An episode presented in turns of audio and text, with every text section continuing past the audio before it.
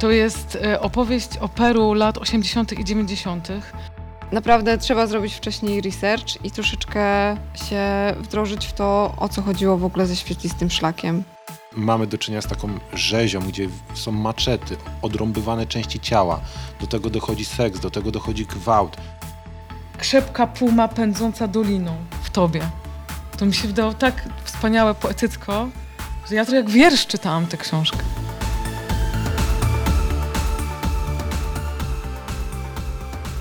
Dzień dobry, witamy w kolejnym odcinku podcastu Bełkot Literacki.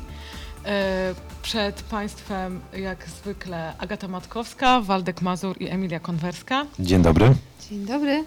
E, Dzisiaj porozmawiamy o książce pod tytułem Krew o świcie e, Klaudii Salazar Jimenez e, w przekładzie Tomasza Pindla, która ukazała się nakładem wydawnictwa Art Rage. E, Może o samym wydawnictwie też warto wspomnieć, bo to jest wydawnictwo, które bardzo prężnie wydaje przekłady z całego świata. I wydaje mi się, że dzięki właśnie Art Rage możemy dotrzeć do tematów i do literatury e, z takich miejsc, których, e, do których nie sięgaliśmy, mam wrażenie, wcześniej tak mocno literacko. Tak, wy, wydawnictwo Artrage można też zaznaczyć, że to jest wydawnictwo stosunkowo młode. Zerknąłem nawet na stronę wydawcy, żeby poczytać o ich historii. Tam możemy dos- Pierwsza informacja jest taka, że istnieją od 2013 roku, ale w, chodzi raczej o taką działalność e, gospodarczą związaną wokół książek, kiedy to wydawali e, e-booki. E, Jako wydawnictwo stricte działają od roku 2021, 2022 w ubiegłym roku przeszli tak naprawdę na e, własną działalność. Stali się samodzielnym wydawcą, ponieważ wcześniej współpracowali tutaj z nami, z naszymi książkowymi klimatami, naszymi w sensie z wydawnictwem, który bardzo dobrze współpracuje z Wrocławskim Domem Literatury. To miałem na myśli. Pozdrawiamy Tomka Zarod. No więc e, Krew o świcie to jest e, opowieść o Peru lat 80. i 90., czyli Peru e, w momencie, kiedy terrorystyczna organizacja Świetlisty Szlak dokonywała tam, no e, w skrócie, masakr na ludności, która nie chciała się podporządkować świętemu prawu rewolucji. Autorka Klaudia Sala- Salazar Jimenez, urodzona w 76 w Limie, jedna z najbardziej uznanych peruwiańskich pisarek swojego pokolenia, krytyczka literacka. E, To jest jej debiutancka powieść. E, Krew o świcie to jest opowieść o losach trzech kobiet z trzech różnych grup społecznych, że tak powiem. I o tym, jak one z bardzo różnych perspektyw postrzegają świetlisty szlak i to wszystko, co się działo wtedy w Peru. Skoro wspominasz już o autorce e, Emilia, to ja bym jeszcze dodał tutaj kilka słów o autorze przekładu. E, Bo Tomasz Pindel to jest taka postać, która wydaje mi się, że w tej chwili na polskim rynku literackim, jeżeli chodzi o przybliżanie literatury hiszpańskojęzycznej, ale tej pochodzącej z Ameryki Południowej, nie literatury hiszpańskiej, to jest taka postać numer jeden. E, Nikt chyba nie tłumaczy tyle tekstów e, latynoamerykańskich, co właśnie Tomasz Pindel. E, To są rzeczy y, najróżniejsze i takie bardzo popowe. Pisze także własne książki. On jest autorem biografii Mariusa Vargasa Losy, czyli losy tego takiego chyba, no nie chyba, noblisty i głównego ambasadora literatury peruwiańskiej, e, giganta literatury w ogóle światowej, ale też cała masa pomniejszych autorów, mniejszych książek, e, które nie rozchodzą się takim echem. To jeżeli taka książka pojawia się na polskim rynku, można obstawiać, że autorem przekładu jest, jest Tomasz Pindel. E, Także, tutaj ja pamiętam, mieliśmy okazję gościć go we Wrocławiu, we Wrocławskim Domu Literatury, w naszym klubie Proza, w którym teraz jesteśmy i marzniemy, dwa, trzy lata temu na Bruno Schluss Festiwalu i pojawił się w zupełnie innym kontekście. Ja w ogóle wtedy miałem wrażenie, nie wiedziałem, nie byłem pewien, czy to jest ten Tomasz Pindel, bo kojarzyłem go jako tę postać, która tłumaczy literaturę hiszpańskojęzyczną, a tu nagle pojawił się jako ekspert od e, fandomu, od literatury fantastycznej w Polsce.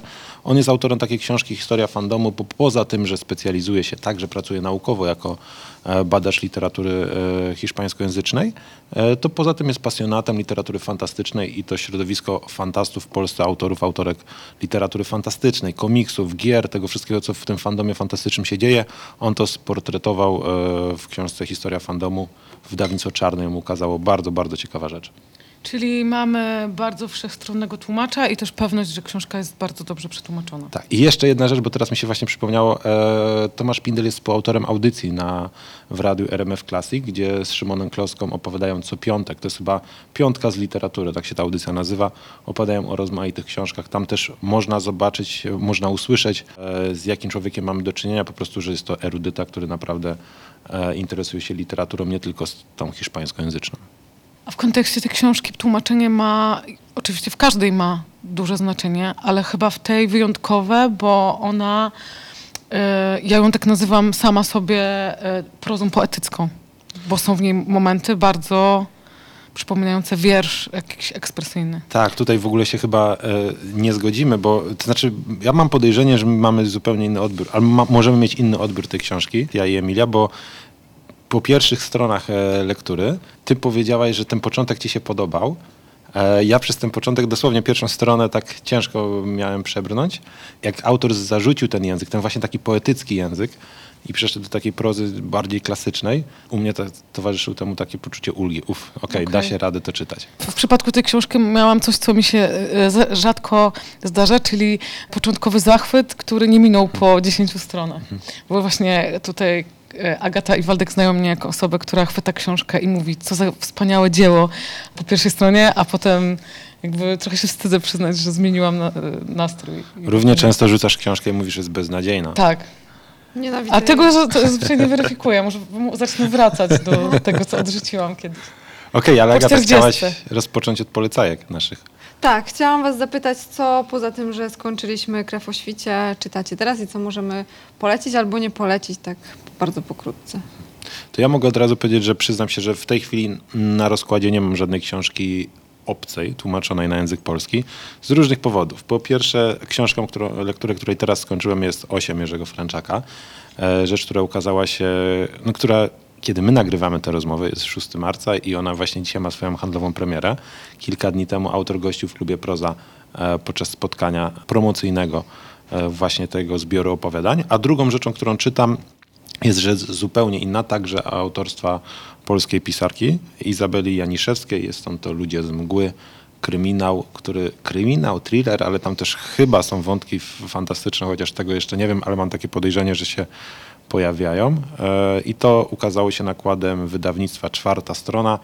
Wydawnictwa Czwarta Strona, które znane może być, no, które jest znane pewnie kilku milionom czytelników w tym kraju za sprawą wydawania innymi Remigiusza Moroza. Taka zupełnie inna literatura niż Krew o świcie. Ja skończyłam właśnie książkę i będę miała teraz problem z przeczytaniem nazwiska autorki, bo e, wydawnictwo Hart, które jest wydawcą, nawet wrzucało instrukcję, e, jak czytać nazwisko. Słowa, słowacka autorka.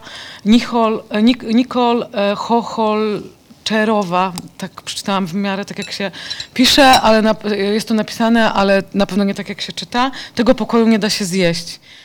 I to są takie, to jest proza pisana takimi bardzo urywanymi fragmentami, e, która właściwie też odnosi się w jakiś sposób do naszego poprzedniego podta- po, podcastu, bo ona dotyczy romansu dwunastolatki i 50-letniego mężczyzny, ale jest pisana z perspektywy dziewczyny. E, mam taki fragment w ogóle, który mnie zachwycił. E, przeczytam, bardzo krótki.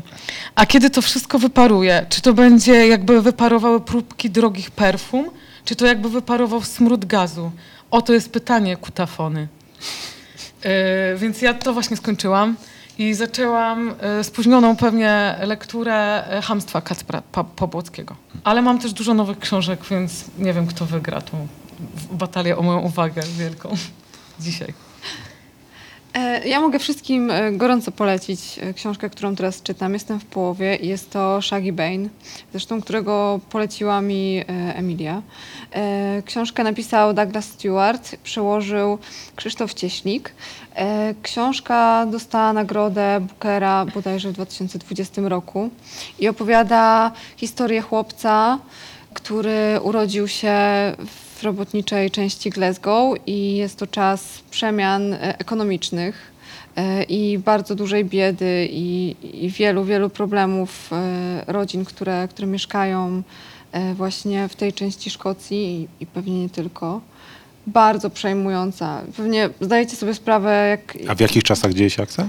to są lata 80. Okej.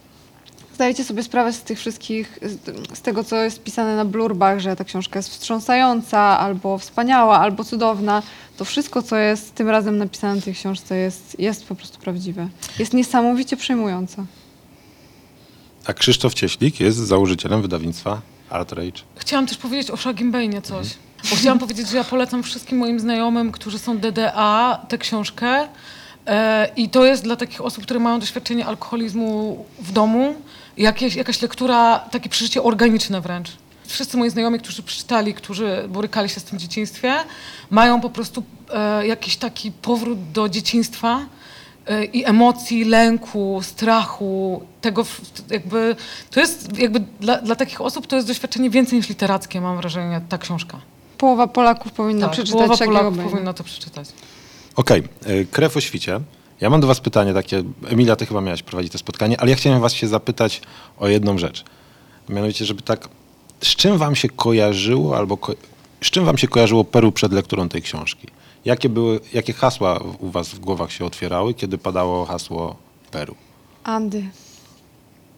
Ja coś tam wiedziałam o świetlistym szlaku, ale muszę przyznać, że no, nigdy tak, tak głęboko nie weszłam w ten temat, jak przy... Bo to jest też ciekawe, że ta książka, mam wrażenie, że dla może mniej zainteresowanych Ameryką Południową albo mniej w ogóle zaznajomionych z historią w ogóle współczesną, ona wymaga pewnego researchu też. Że ja, jak ją zaczęłam czytać, to od razu zaczęłam czytać o tym, co robił świetlisty szlak, jak wyglądały te rządy i to wszystko, co tam się dzieje, działo e, w Peru. Tak, wydaje mi się, że nie da się przez to przebrnąć, nie czytając całą książkę, nie próbując się zagłębić tak naprawdę o co chodzi, bo książka, tak jak powiedzieliście na początku, zaczyna się dość poetycko. Potem bardzo łatwo jest moim zdaniem wejść w tą, e, w tą konwencję i, i to jakoś nie, nie jest takie przeszkadzające w czytaniu. No bo umówmy się, tak naprawdę czytamy książkę o wojnie z perspektywy trzech kobiet, które myślę, że są w podobnych albo z- zbliżonym wieku, są już, są już dojrzałe i żeby było trudniej, wszystkie mają imiona na M, więc na początku mi było dość trudno się w ogóle odnaleźć, o której aktualnie czytam, ale to wszystko potem wychodzi na prostą i naprawdę trzeba zrobić wcześniej research i troszeczkę się wdrożyć w to, o co chodziło w ogóle ze świetlistym szlakiem i, i całe problemy wojny domowej. Chociaż tak naprawdę uważam, że ta książka jest uniwersalna i można ją czytać bez tego, ponieważ to są po prostu, pokazuje nam dokładnie to, że wojna nie jest czarno-biała, nie ma dobrych i złych. Wszyscy są Bo źli. je- jedna z bohaterek jest rewolucjonistką, czyli właściwie sprawczynią tej przemocy. E, wszystkie są w sumie ofiarami tego, co tam się dzieje. E, więc mamy bardzo różne perspektywy i różne motywy, które kierują tymi bohaterkami. Mi się bardzo podoba to, że ten temat w ogóle kobiecości w kontekście rewolucji też jest ważny. E, która pokazuje trochę dla mnie to, że, że jedna z nich jest wcielona po prostu do partyzantki. I to, co tam się pojawia, ta narracja, pokazuje trochę to, że wszystkie te stereotypy na temat kobiet, które generuje patriarchat, one odkładane są na szafę, kiedy kobiety są przydatne po prostu w walce na przykład. No ale nie wiem, czy wcielona to jest dobre słowo. Ona jakby czuje tą misję. Tak, tak, Ona, ona- ona, chce. ona jest ona chce walczyć. ideą Zostawia tak rodzinę, dalej. zostawia córkę po to, żeby walczyć i w dobrej sprawie i uwolnić swoich obywateli z tego, co się dzieje pod rządem. Dużo tam się pojawia takich właśnie poetyckich fraz, powiedziałabym, dotyczących w ogóle kobiecości. Ja przygotowałam sobie nawet taki jeden fragment, jeśli pozwolicie. Kobiecy, mówi jedna strona, kobiecy odpowiada druga. Ruch, mówi jedna strona, ruch odpowiada druga. Kobiecy ruch ludowy, wszystkie naraz. I jeszcze raz, kobiecy, mówi jedna strona, kobiecy odpowiada druga. Ruch, mówi jedna strona, ruch odpowiada druga. druga. Kobiecy ruch ludowy, wszystkie naraz. Ustawiają się w kolumny. Pozycja z chińskiego mura- muralu. Krok tai chi, wielki sternik, stąpają w rytm. Raz, dwa, raz, dwa, raz, dwa, raz, dwa. I tutaj dla mnie jest też mm, ten właśnie temat kobiecości jest pokazany w taki nieoczywisty sposób. No bo zawsze się mówi o tym, że te kobiety były ważną częścią rewolucji, w PRL-u kobiety na traktory, równouprawnienie i tak dalej. A tu jest pokazane jakby moim zdaniem inne oblicze trochę tego. No ale są tutaj też takie super proste nawiązania do, do tego, co bardzo dobrze znamy. Czyli teraz ja rzucę cy- cytatem. Doświadczenia wszystkich ruchów rewolucyjnych pokazują, że powodzenie rewolucji zależy od zaangażowania kobiet. Lenin. Kurtyna. E, Pamiętajmy, że tutaj e, świetlisty szlak to jest ta ideologia e, marksistowsko-leni... Maoistowska. le- mao, maoistowska, leninizm i marksizm. To wszystko, te trzy filozofie gdzieś się mocno przeplatają tutaj. Próbowałem uzupełnić swoją wiedzę właśnie zaglądając na Wikipedię i inne trochę bardziej kompetentne strony i miałem wrażenie cały czas podczas lektury, że im więcej o tym świetlistym szlaku czytam, tym więcej nie rozumiem, nie wiem. Nagle się okazuje, że ten świetlisty szlak w sobie miał jakby jakieś, co jest w sumie naturalne, tak? Swoją jakby opozycję. Były też inne ruchy rewolucyjne pomniejsze, z którymi ten świetlisty szlak walczył, ale o coś innego chciałem zapytać. E, Czy według was ta rewolucja, bo tę rewolucję w w Peru chyba można trochę przyrównać do każdej innej rewolucji na świecie, bo mają jakieś takie, zwłaszcza tych rewolucji o lewicowym profilu socjalistycznym e, czy komunistycznym, one zawsze mają jakieś takie punkty wspólne. I czy można pokusić się o stwierdzenie, że ta rewolucja była szczera i ona naprawdę chciała kobiety niejako zrównać z mężczyznami, czy jednak one były tam traktowane przedmiotowo? Jak wy to odbieracie przy, po lekturze tej książki?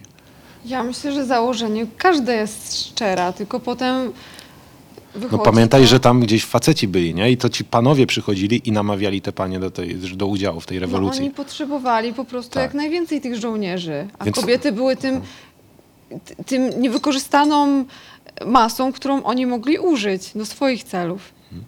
To jest w ogóle bardzo wielkie pytanie i bardzo skomplikowane, które można przełożyć, mam wrażenie, na wiele problemów. No bo, ym, nie wiem, mówi się na przykład o wyzwoleniu czarnych w Ameryce, co doprowadziło do tego, że jest równość, mniej lub bardziej już jest ta równość, ale niektórzy mówią, że okej, ale to nie jest tak, że sprzedawcy zaczęli obsługiwać czarnych Amerykanów, dlatego że uznali, że oni są okej. Po prostu ci sprzedawcy, rynek, kapitalizm uznał, że to też są klienci. Czyli jakby są te takie narracje, które mówią, że wszyscy są okej, jeśli można ich wykorzystać. Właśnie o tym chyba chciałam też powiedzieć w tej pierwszej wypowiedzi, nie?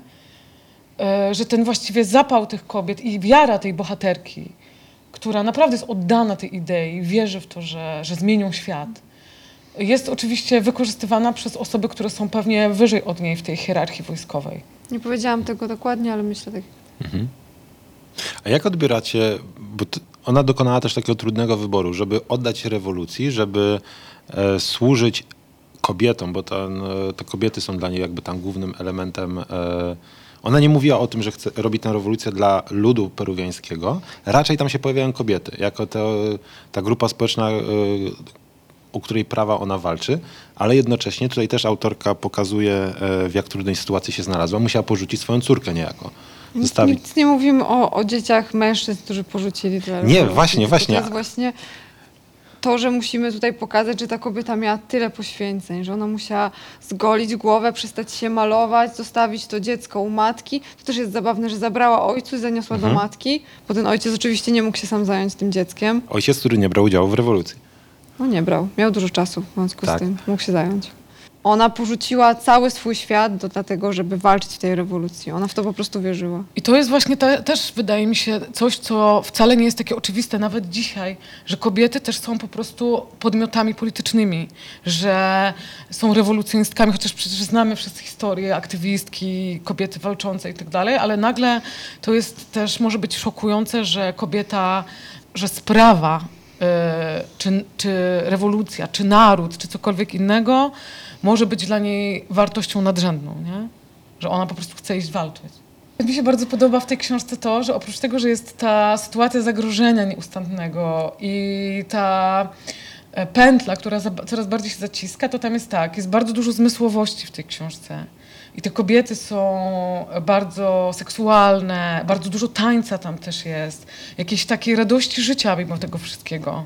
Przyjaźni też tych, dziew, tych, tych dziewczyn, bohaterki są kobiety i to jest takie...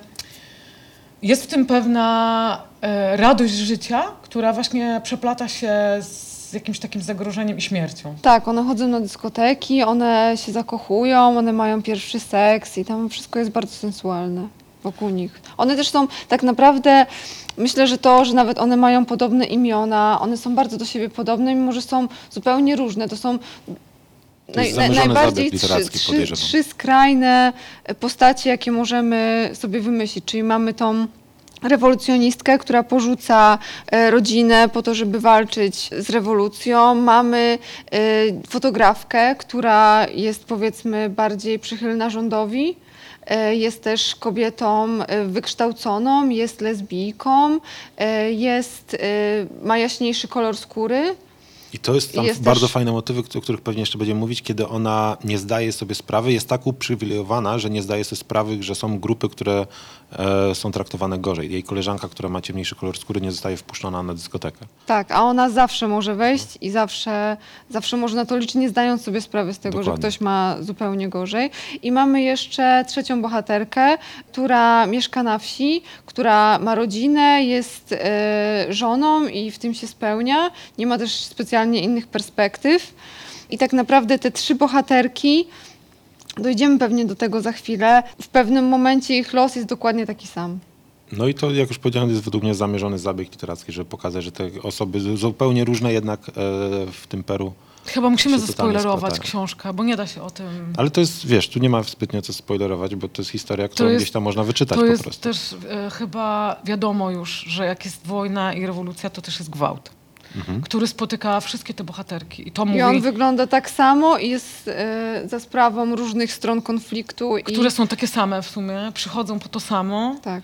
I to, że właściwie te bohaterki są różne, pokazuje, że możesz różnić się od innej kobiety, ale właściwie ta krzywda, która cię może spotkać i ta przemoc skierowana przeciwko tobie zawsze po prostu czyni to, że wszystkie kobiety są takie same. Nie? Ale pokazuje to też, e, konsekwencje są takie, że ta, która jest najbiedniejsza, radzi sobie z tym najtru, na, na, naj, najgorzej. Najtrudniej jest sobie, sobie z tym poradzić, ponieważ ona musi rodzić dzieci na przykład.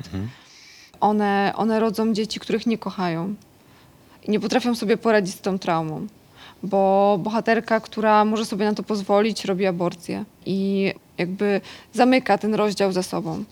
A kobiety y, na wsiach rodzą dzieci, których nie kochają. Których nie chcą, których, Których nie próbują chcą, które przypominają im o pozbyć, traumie. ale w końcu nie mogą, bo patrzą trochę na to dziecko jak na takie mm, trochę zwierzątko bezbronne, które jest dane na ciebie, nie? I A jednocześnie to zwierzątko, to dziecko przypomina im o Tak. tym naj, największej krzywie, która im się wydarzyła. Dla mnie to jest, ta książka jest najbardziej przez to, że ona w pewnym momencie wpada w jakiś taki, taki trans yy, i taką, to jest jakaś taka mantra gwałtu, że jakby to samo się powtarza, że wchodzą e, mężczyźni, jest ich dużo, zmieniają im się mundury, e, zmienia się moment, ale właściwie dzieje się to samo. I to chyba jest najbardziej przejmująca e, dla mnie książka dotycząca gwałtu. I to też jest napisane w taki sposób, że to jest dokładnie ten sam opis.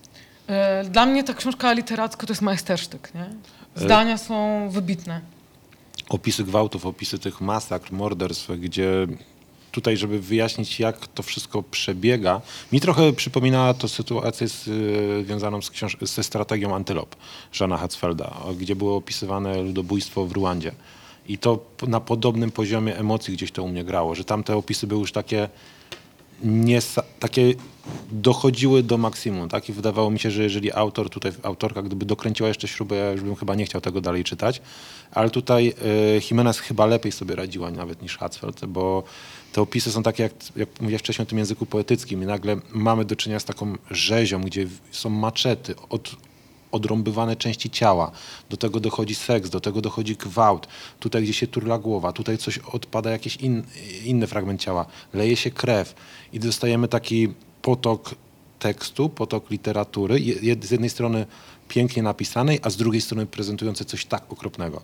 I to jest taki miks, gdzie no ja powiem szczerze, że pewnie jeżeli zapomnę o tej książce za jakiś czas, to te obrazy akurat będą jeszcze e, długo gdzieś tam w mojej głowie siedzieć. I wszystkie te fragmenty opowieści tych różnych kobiet zaczynają się od zdania jest bezwładną masą na ziemi, a potem kolejni żołnierze i tak dalej, nie? Czyli no rzeczywiście jest to bardzo dobrze napisane, bardzo mocne i bardzo potrzebne w ogóle. Też nie, nie, zazwyczaj nie używam tego słowa w kontekście literatury, ale myślę, że to jest bardzo potrzebna opowieść. Tak, może w ogóle powiedzmy naszym słuchaczom, że ta książeczka jest tak naprawdę niepozorna, jest malutka. E, Ma 90 stron, niewielki format, a jest naprawdę czymś bardzo, bardzo mocnym. No jak się będzie chciało, to książkę się przeczyta w jeden dzień. Jedną sobotę, jedną niedzielę, kiedy mamy wolną. A potem trzeba E, tydzień odchorować. Czy odchorować? ja z jednej strony mówiłem tutaj o Ona tych do mnie takich... wraca co jakiś czas. Te zdania do mnie wracają. Tro, tak jak jest poezją, nie? Gdzie Tak. ta, w podobny sposób oddziałuje poezja. Tutaj też jeszcze z, y, to, czego Emilia tak nie lubisz, zapytałem, zadałem wam pytanie, przepraszam. E, a chodziło mi o to, żeby tutaj y, chyba trzeba trochę nakreślić też tło historyczne, społeczno-polityczne, e, któremu ta, które towarzyszy tej książce. E, mówiliśmy o tym, że książka wymaga tego, żeby sięgać do źródeł, żeby czytać o tym, co się dzieje. Bo tutaj tak naprawdę mówimy o tym świetlistym szlaku, mówiliśmy o świetlistym szlaku, są siły rządowe i tutaj cała ta historia polega na tym, historia Peru e, bodajże się rozpoczyna w roku 83, kiedy ten świetlisty szlak, ta rewolucja się rozpoczyna e, i ona polega na tym, że w wioskach, czyli większość mieszkańców Peru, mieszkanek e, jednak za, zamieszkuje wsie i małe miejsco- miejscowości i tam się odbywa ta rewolucja. I paradoks polega na tym, że ta rewolucja przychodzi, zawłaszcza sobie obszary, zawłaszcza sobie ludność, bierze co im się podoba, ludzie mogą się podporządkować albo nie. Niektórzy się poddają, niektórzy zaczynają walczyć, zaczynają gdzieś z tymi e, rewolucjonistami gdzieś tam się im opierać, więc stają się ofiarami. Jedni są uznawani przez tą rewolucję za współpracujących z rządem, inni nie, więc tych, którzy współpracują, spotyka kara, po czym wraca, przychodzą żołnierze, reprezentacja rządowa, która tych, którzy ulegli tej rewolucji, którzy się poddali, którzy jakoś tam chcieli często ratować swoje życie, nie chodziło w ogóle o wiarę w ideały, a chociaż takie wypadki też się zdarzały, byli traktowani jako wrogowie, więc spotkała ich krzywda ze strony e, rządu, a jednocześnie ci, którzy ostali się, to też, do których były wątpliwości, to też byli traktowani jako wrogowie. Do tego mamy jeszcze zwykłych bandytów, że- którzy krasują i kradną po prostu y, bydło, przed którymi też trzeba się bronić. Jest tak niesamowicie zagmatwana sytuacja, że powiedzenie, że to jest tylko i wyłącznie rewolucja, to jest duże niedopowiedzenie, to jest tak skomplikowana No i tak tak. szalona historia. I tam jest też, e, wydaje mi się, e, poprawcie mnie, jeśli się mylę, że tam jest też em, taki motyw, który się pojawia w, w dobrych historiach o wojnie, że e, zwykli ludzie często nie wiedzą, kto przychodzi i czy to jest dobry, czy to jest zły. I właściwie Ale, już, okazuje się, ale że boją się, że źli. przychodzi, tak. Tak, wszyscy są źli. Nie wiadomo, jak się zachować, czego chce ta osoba i od kogo można się spodziewać ciosu. No i właściwie w tej książce od każdego można, tak jak mówisz, spodziewać się najgorszego, nie? Teraz tak naprawdę mamy dostęp do informacji e, przez różnego rodzaju media, ale weźmy pod uwagę, że to są lata, e, lata 80. w Peru i jednak osoby, które nie mieszkają w dużych miastach, nie miały bladego pojęcia, o co tak naprawdę rewolucjonistom chodzi.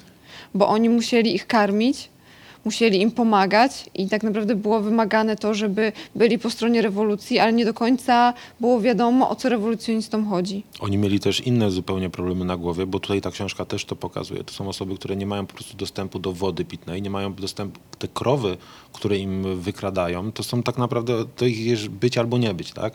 E, Czy będą mieli pożywienie, czy będą mogli wykarmić swoje rodziny, więc dla tych większości z tych osób rewolucja, czy są po tej stronie, czy po tamtej, to było coś totalnie abstrakcyjnego. Oni walczyli o takie podstawowe utrzymanie się przy życiu i zapewnienie pokarmu swojej rodzinie. Najbiedniejsi musieli karmić rewolucjonistów, to było w tym najsmutniejsze. A niby rewolucji, która była Dla nich. Dla nich. Bardzo przejmujące są dla mnie też te opisy, jak bohaterka się pojawia w tych wioskach, że widać, że tam już, już byli ludzie i że tam już jest, coś się stało złego. I mi się przypomniał pewien kadr, po którym zwariowałam prawie, z jednego z moich ulubionych w ogóle filmów, czyli z Ici Patrz, Elena Klimowa. I tam jest właśnie scena, e, kiedy e, dwójka bohaterów wchodzi do chaty i czują dziwny zapach i wiedzą, że coś jest nie tak. I nagle zaczynają uciekać i tylko kątem oka widzimy bohatera, stertę ciał, która leży za, leży za tą chatą. I to właśnie, te, czytając tę książkę, jej udało się po prostu zrobić taki klimat, taki nastrój, powiedziałabym, jakiegoś takiego, no tej śmierci takiej, która jest jakby w powietrzu. Tak, ten motyw bezpańskich psów, które, Tak, się, tak. Które się plątają, a tak naprawdę nie ma dokładnie opisu tego, że, że tam była masakra w tej wiosce, tylko wiemy to, wiemy to prze, przez pewien sposób tego, jaka pojawia się atmosfera y, w danym fragmencie. Jest jeszcze jedna rzecz, nad którą, o której chciałem tutaj porozmawiać, ponieważ zdałem sobie sprawę, jak bardzo mam takie trochę, y, jak bardzo spaczone jest moje czytanie.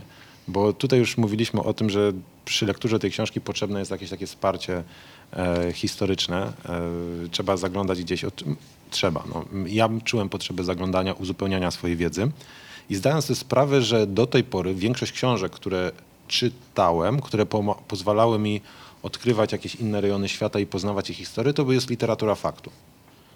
I strasznie mi przeszkadzało w trakcie lektury to, że tutaj e, ta historia jest podana w taki lit, bardzo literacki, artystyczny, wręcz e, poetycki sposób, jak e, zauważyłaś to Emilia. I dla mnie, jakkolwiek dziwnie to nie brzmi, jak doceniałem kunszt literacki, był to problem taki czysto czytelniczy. Sprawiało to, że przekaz cały był nie do końca poukładany, zrozumiały może tak, ale pod kątem takim czysto literackim. Doceniałem warsztat literacki, do... miałem problem z tą książką, jeżeli chodzi o odbiór samej historii. No właśnie, to jest ciekawe. Teraz wejdziemy w jakieś takie e, stereotypy płciowe, bo ja na przykład chyba, i to, to m- może mnie różni od ciebie, e, oczekuję od literatury emocji. I właśnie ten język, ta po, poetycka e, fraza w tej książce, ona właśnie bardzo mnie poruszała. Myślę, że ten zabieg na mnie zrobił większe wrażenie niż e, gdybym czytała właśnie reportaż na przykład. To, że tam jest uży, użyty język w sumie poezji do opisania tych rzeczy. Tych rzeczy. E, więc na mnie to zrobiło jeszcze większe wrażenie niż gdyby to było po prostu napisane takim suchym, re, e, reporterskim językiem faktów. Mi się wydaje, że w tej książce bardzo czuć emocje.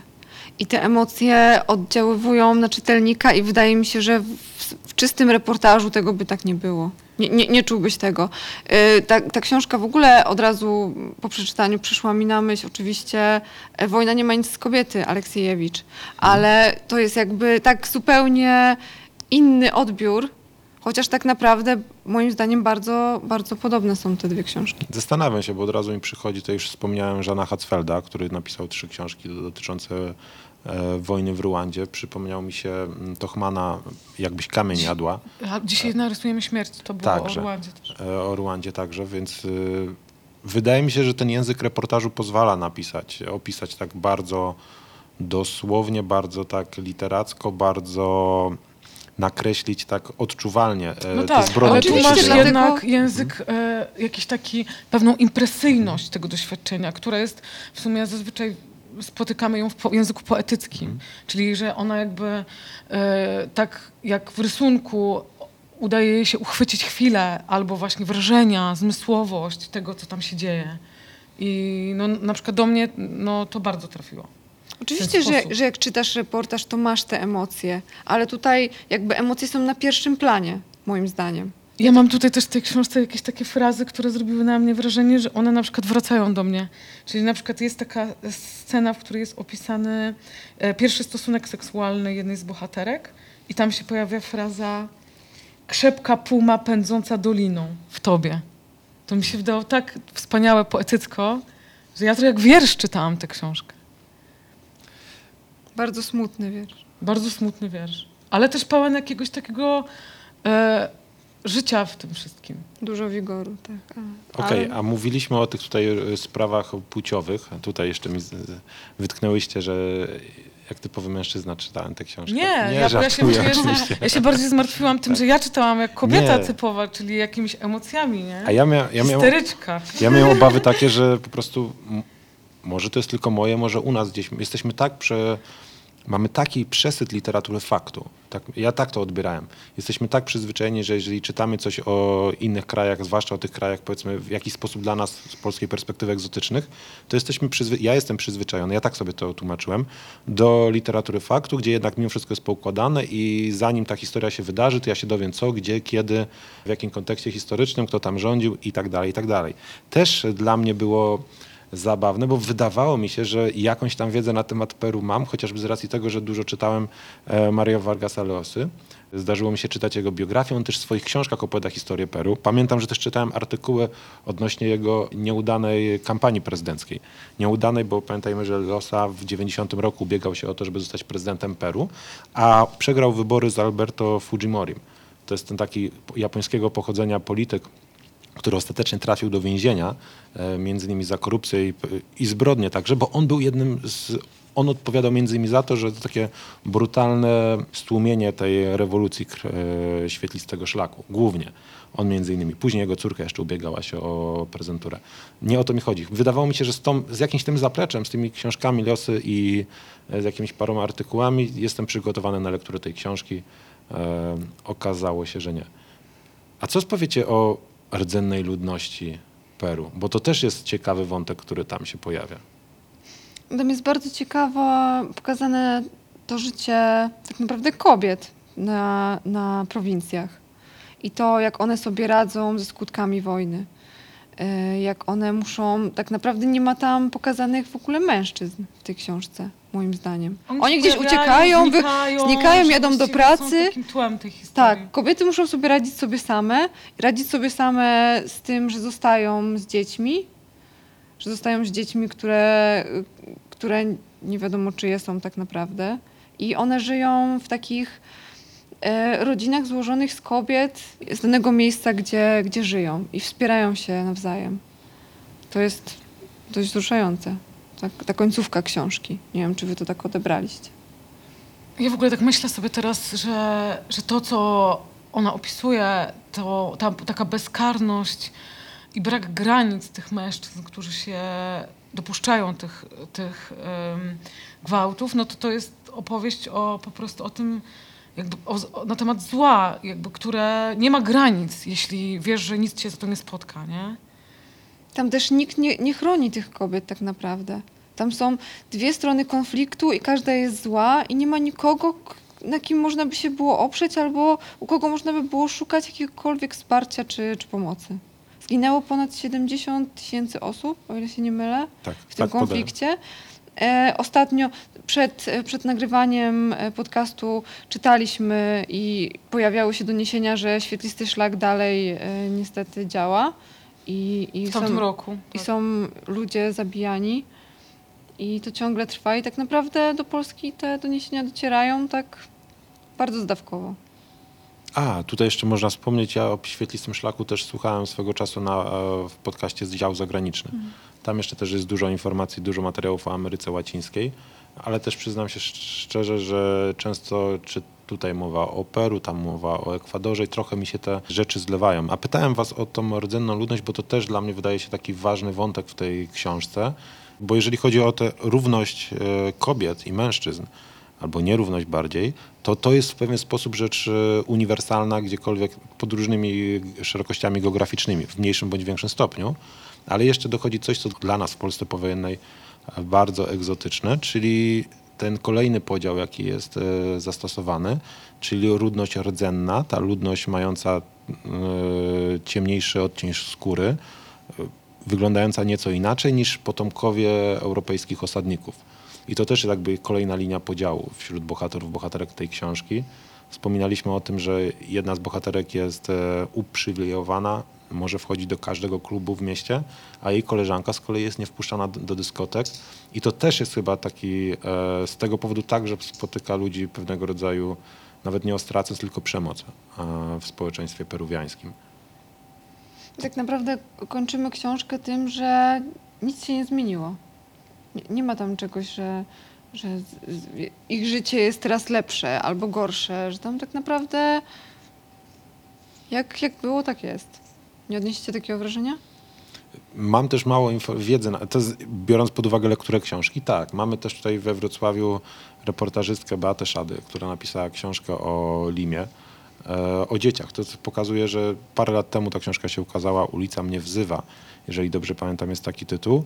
E, dotyczyła książka tego, że w, na ulicach Limy mieszkają dzieciaki, które nie mają czegoś, co my byśmy mogli powiedzieć w Polsce w swojego PESEL-u.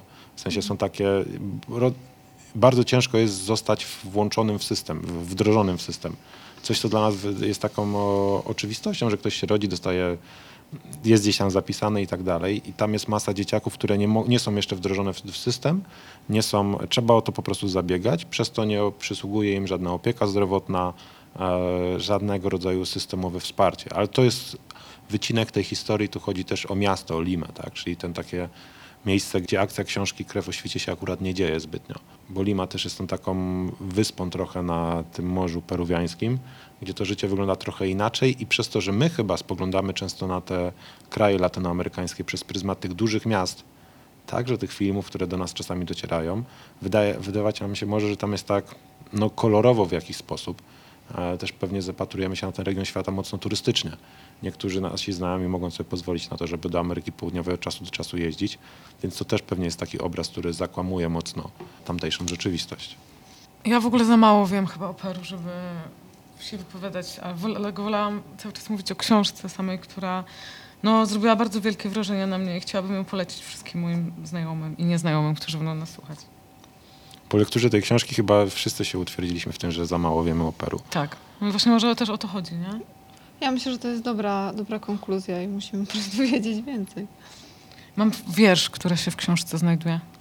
Słuchamy? Bo oprócz tego, że książka jest bardzo poetyckim językiem napisana, to też tam można przeczytać wiersz, wiersze. Cezar e, Vallejo napisał ten wiersz. Okaleczona twarz, zakryta twarz, zamknięta twarz, a jednak człowiek ten jest cały i niczego mu nie brakuje. Oczu nie ma, a widzi i płacze. Nosa nie ma, a wącha i oddycha. Uszu nie ma, a słyszy. Ust nie ma, a mówi i się uśmiecha.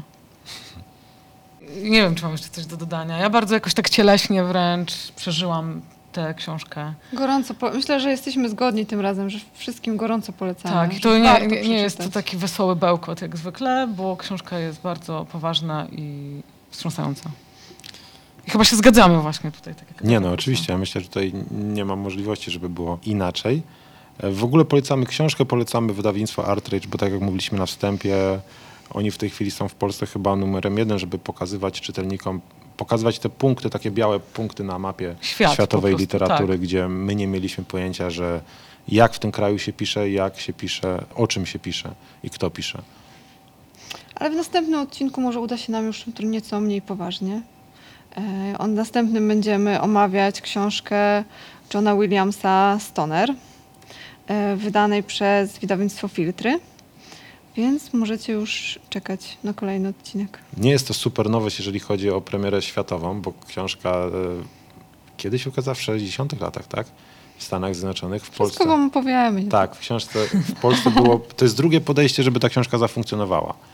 E, U nas i wydana w 2014. Pierwszy raz to wydawnictwo Sonia Draga, teraz robię to wydawnictwo Filtry i ja mam takie przeczucie, że to będzie, to będzie ten strzał, który sprawi, że Stoner jakoś zafunkcjonuje silniej na polskim rynku. Już patrząc na Facebooka, już mam wrażenie, że jakoś tak pojawia się. Mówi się o tej książce. O stonerze. To dziękujemy za dzisiaj. Do Była- usłyszenia. Do zobaczenia.